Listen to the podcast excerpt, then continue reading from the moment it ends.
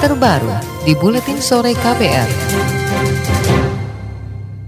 Saudara diskriminasi terhadap non-muslim kembali terjadi di Yogyakarta. Selamat Jumiarto beserta istri dan dua anaknya dilarang menyewa rumah di Desa Karet, Kecamatan Pleret, Bantul. Menurut Selamat, pelarangan itu didasarkan aturan desa yang mewajibkan warga pendatang baru harus beragama Islam. Keluarga sudah pindah di sini. Kemudian hari Minggunya tanggal 31 saya laporan ke RT antar eh, surat nikah KK dan KTP begitu dicek sama RT-nya, Kristen dan Katolik. Pak RT agak bagaimana dan memberikan, aduh Pak ini maaf, memberikan wah ini maaf belum bisa memutuskan ini bisa tinggal di sini apa enggak loh. Kenapa Pak alasannya? Eh, maaf Pak sebelumnya karena memang memang di sini keputusan warga sepakat bahasanya baik itu pendatang, domisili, kontra ataupun kos kalau non muslim dilarang. Selamat Jumiarto mengaku telah ada mediasi dari berbagai pihak baik dari kecamatan, padukuhan maupun Kesbang Pol setempat. Dari kesepakatan itu Selamat diperbolehkan tinggal sampai pemilik kontrakan mengganti uang yang telah dibayarkan. Sementara itu, Saudara Bupati Bantul Suharsono menyatakan telah mencabut aturan desa Pleret yang melarang pendatang non-muslim tinggal di wilayah itu. Suharsono menegaskan aturan tersebut diskriminatif dan bertentangan dengan Pancasila serta melanggar undang-undang yang lebih tinggi. Ia berjanji bakal bertemu langsung dengan warga desa Pleret untuk menyelesaikan persoalan ini. Kita perintahkan Kesbangpol sama camatnya cari jadwal yang baik. Saya nanti hadir dengan masyarakat itu akan saya jelaskan peraturan yang ada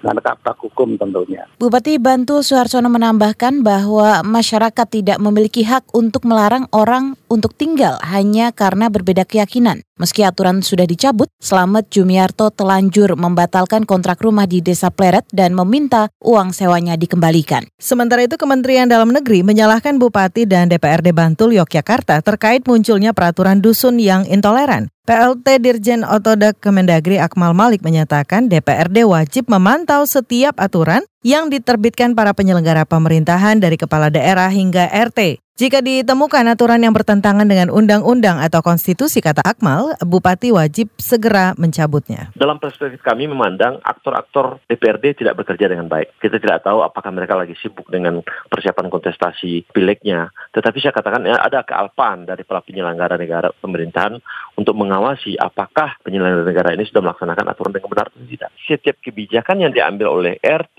RW, kelurahan itu melanggar nggak konstitusi kita? Melanggar nggak peraturan perundang-undang kita? PLT Dirjen Oda Kemendagri Akmal menambahkan munculnya aturan diskriminatif seperti di Desa Pleret Bantul mencerminkan gagalnya peran pengawasan dari Pemda dan DPRD. Kebebasan beragama dan beribadah secara jelas dijamin dalam konstitusi. Sementara itu, Saudara Direktur Setara Institut Hailili menilai praktik intoleransi tinggi di Yogyakarta disebabkan adanya aturan-aturan diskriminatif terhadap kelompok minoritas. Aturan tersebut memicu gesekan konflik antar penganut agama. Selain itu, ada faktor minimnya iklim keterbukaan yang memicu tingginya kecemasan terhadap kelompok yang berbeda. Yang barangkali tidak pernah kita pikirkan selama ini adalah memeriksa apakah seluruh aturan yang berpotensi mempengaruhi relasi antar agama itu gitu ya kita tidak pernah pikirkan itu kita tidak pernah cek. Sampai kemudian kita terkaget kita oh, ternyata ada aturan di level RT yang ternyata melarang identitas